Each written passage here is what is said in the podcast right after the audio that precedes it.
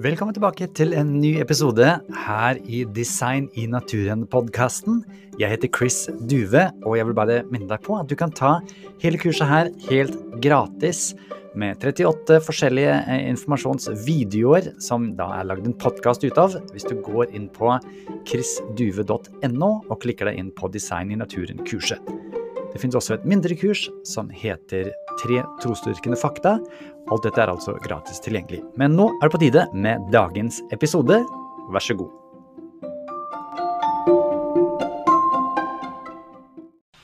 Hei, det er Chris her, og i denne undervisningsvideoen skal det handle om dette. Er intelligent design vitenskap? Professor emeritus Ambrose han sier The interdependency of parts is what is meant by high technology, altså når forskjellige deler må jobbe sammen. As we encounter high technology in these articles we use every day, we immediately think of engineering design. I dag skal det altså handle om intelligent design. Hva er det? Er det vitenskap? Er det et uh, argument fra kunnskapshull? Fins det tilfeldigheter, uh, eller fins det design i naturen? Og for det første så må vi da se på ordet design. Eh, på norsk så er det jo mest å gjøre med at man designer noe klær eller et hus eller noe sånt noe. Men eh, det er jo egentlig intelligent design, og på engelsk så blir det altså purpose or planning that exists behind an action, altså planlagt med hensikt. Um, og det eksempelet som da sto i den ordboka, var The appearance of design in the universe. Um, eller design. Det ser designet ut. Er det designa? Det skal vi nå se på. Er det vitenskap? Nå har vi allerede hørt om disse 1000 pluss eh, folk med doktorgrad som sier eh, at på vitenskapelig basis så er vi skeptiske til det at evolusjon kan få til alt det. Noe kan det få til, noe ikke. Og mange av de tenker at intelligent design er greia. Men er det vitenskap? I vitenskapen så har det noe som er de harde vite, altså hard science, det som er eh, altså kjemi, du gjør en reaksjon, du kan måle hvor tungt noe er. Um, og så har du soft sciences, altså hvor du f.eks. går tilbake i tid, som Darwin f.eks. holdt på med, eller mye av intelligent design. Og da er det en historisk vitenskapelig metode som heter flere konkurrerende hypoteser, multiple competing hypotheses, og det å konkludere med den beste forklaringen. La oss si at du har sovet. Du kommer ut, og bilen din er våt. Så tenker du ja, men har det regna? Eh, har si, brannvesenet vært her? Eh, eller er det noe annet? Du ser det litt rundt, og du ser det er jo tørt på gresset. Så det har nok antageligvis ikke regna. Så ser du ei bøtte, du ser en svamp, du ser at bilen er bløtt på ruta, og du tenker da har jeg den beste hypotesen, det er noen som har vaska bilen. Denne metoden brukes jo også av politiet, forensics som det heter på engelsk, som også blir nevnt i videoen som snart kommer, om hvordan de prøver å se hva er den beste hypotesen. Darwin's method focused on trying to establish the causes of events in the remote past, in history. Darwin's historical scientific method is different from what many people ordinarily think of science. It's a much more forensic style of reasoning than your ordinary experimental bench science. Uh, you're reasoning from the clues that are left behind, from the, the evidence that we have before us, back to the probable or possible causes that might explain what produced life in the first place, or what produced animal life, or what produced those clues that lie before us. And I ended up doing my dissertation uh, in Cambridge on the, the historical scientific method. And one of the things I, discovered in the process of my research was that, that there was this distinctive method. It has a name, and that name is the method of multiple competing hypotheses, or the method of inferring to the best explanation. But how do scientists studying biological history determine which explanation is actually best? Meyer found an answer again in the work of Darwin and his contemporary, the great geologist Charles Lyell, who argued that in explaining the past, the present is the key. Lyell insisted that we should seek explanations based on our knowledge of presently acting causes, or causes now in operation. All this led Meyer to ask a critical question. What is the cause now in operation for the production of digital information? Because the crucial question in the origin of animal life and the origin of life itself is where did the information come from? Information stored digitally in the DNA molecule. Where did that information come from that is necessary to build these new forms of life? And I realized that the answer to that question is intelligence. The cause now in operation, the cause of which we know from our uniform and repeated experience, another key uh, idea from Lyell, uh, that is capable of producing information is intelligence. Når vi da snakker om intelligent design, så er jo spørsmålet igjen litt hva er det vi tenker på design? Vi har hatt definisjonen, men nå skal vi snakke, eh, eller høre litt, fra dr. Michael Behe og dr. Stephen Meyer, som du jo allerede har møtt litt, og skal møte litt framover også, hva deres tanker er i forhold til dette med design. The question is, how do we recognize design? Uh, how do we realize that something has been put together, intended uh, by an intelligent agent. Probably the only real way that you can do it without taking somebody's word for it that they've that they have put something together is by recognizing what's called a, a purposeful arrangement of parts. Think of say Mount Rushmore. You look at the rocks to the left of the images of the presidents, and you know they don't look like much of anything. And you look at the images, the rocks that are in the shape of the images, and you, you immediately realize that it was designed. You know, even somebody who had never heard of Mount Rushmore before from another country would immediately realize that it was designed.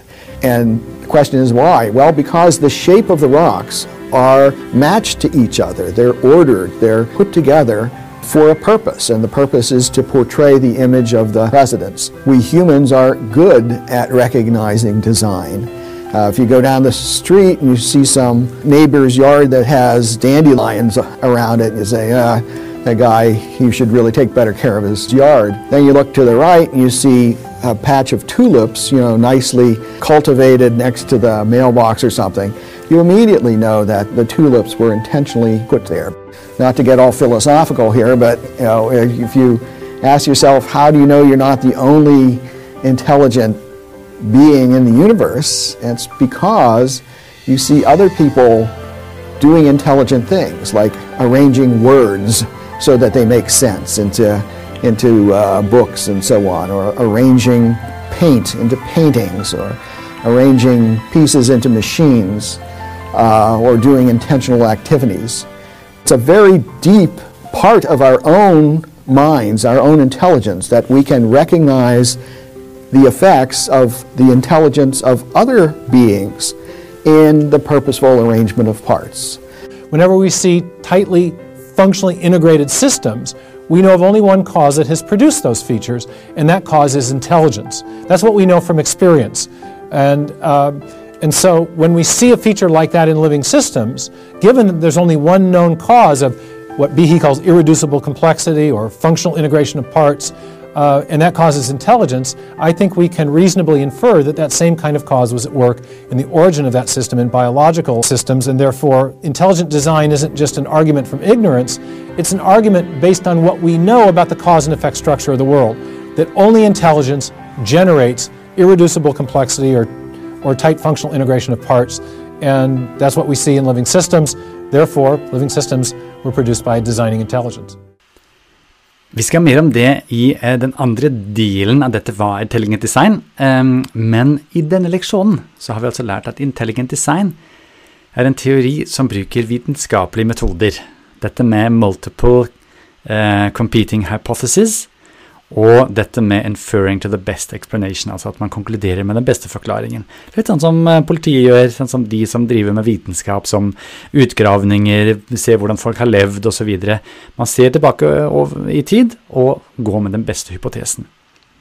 Eh, og design er jo noe som vi kjenner igjen rundt oss. Eh, vi så der Mount Rushmore. Det er ingen i sin villeste fantasi som ville gått rundt i skogen der, sett disse ansiktene og tenkt at dette dette har blitt til av naturkrefter.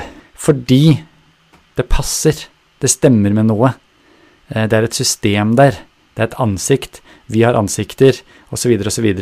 Sånt DNA, det kan bli lest av eh, proteiner. Det kan kopieres, det, kan, det fungerer, det skaper noe. Det er et eh, jeg håper å si, lukket system, og da tenker vi med en gang design. Men vi kan også kjenne det disse metodene eh, med hva er den beste hypotesen, hva er den beste forklaringen. As a scientist, Scientist. microbiologist, biochemist, biochemist, as a geologist, Neuroscientist. physician, biologist, and an engineer. I think there is overwhelming evidence for intelligent design in nature. I see intelligent design in the history of life. in the genetic code of life. in the molecular machines inside our cells. In the complexity of life. In the information embedded in living things. in the operation of the human brain, In the features of the human body. in the chicken and egg causal circularity of life. As a mathematician, I see great evidence of purpose in the universe. As a molecular biologist, I see evidence for design everywhere I look, pretty much. Nature is incomprehensible without inference to purpose and to intelligent design.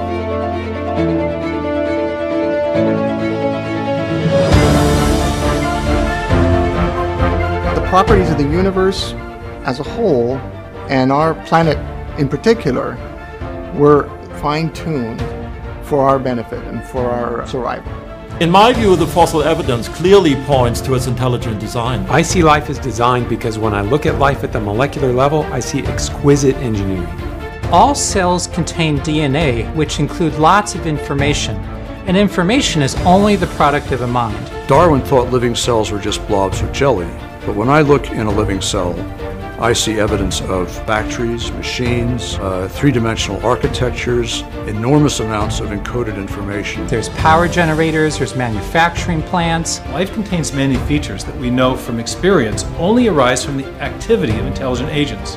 The genetic code is like a software program. It's like somebody would have had to be a coder, would have had to form this particular genetic code. When I see that order and design, I have a really hard time believing that random mutation and natural selection, selection alone can cause uh, the complexity and the diversity we see in life. When you look at nature at large, what you see is incredible examples of innovation which surpass human technology. Examples include the flight capabilities of a hummingbird, sonar and bats, and greater innovation always implies greater intelligence from a designer. If you read the message from the molecules, it's really clear. They say clearly intelligent design, intelligent design, intelligent design is the source of life.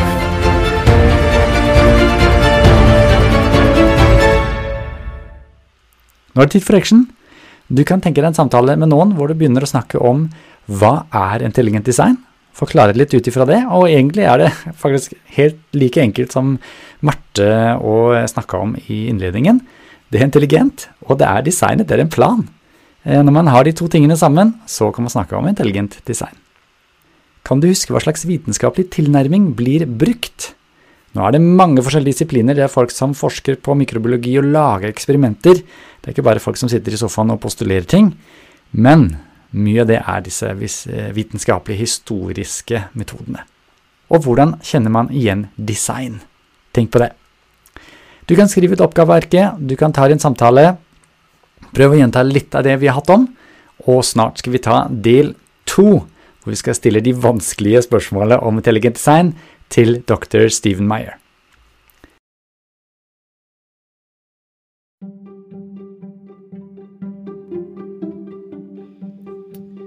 Igjen, dersom du ønsker å få tilgang til de hjelpearkene eller oppgavearkene, så er det jo fullt mulig for deg å signe opp til kurset. Da går det an å laste det ned. Hvis du går inn på chrisduve.no, så ser du all informasjonen der. Dersom du ønsker å støtte denne podkasten og annet arbeide som jeg holder på med, kan du også lese mer om det på chrisduve.no. Takk for nå.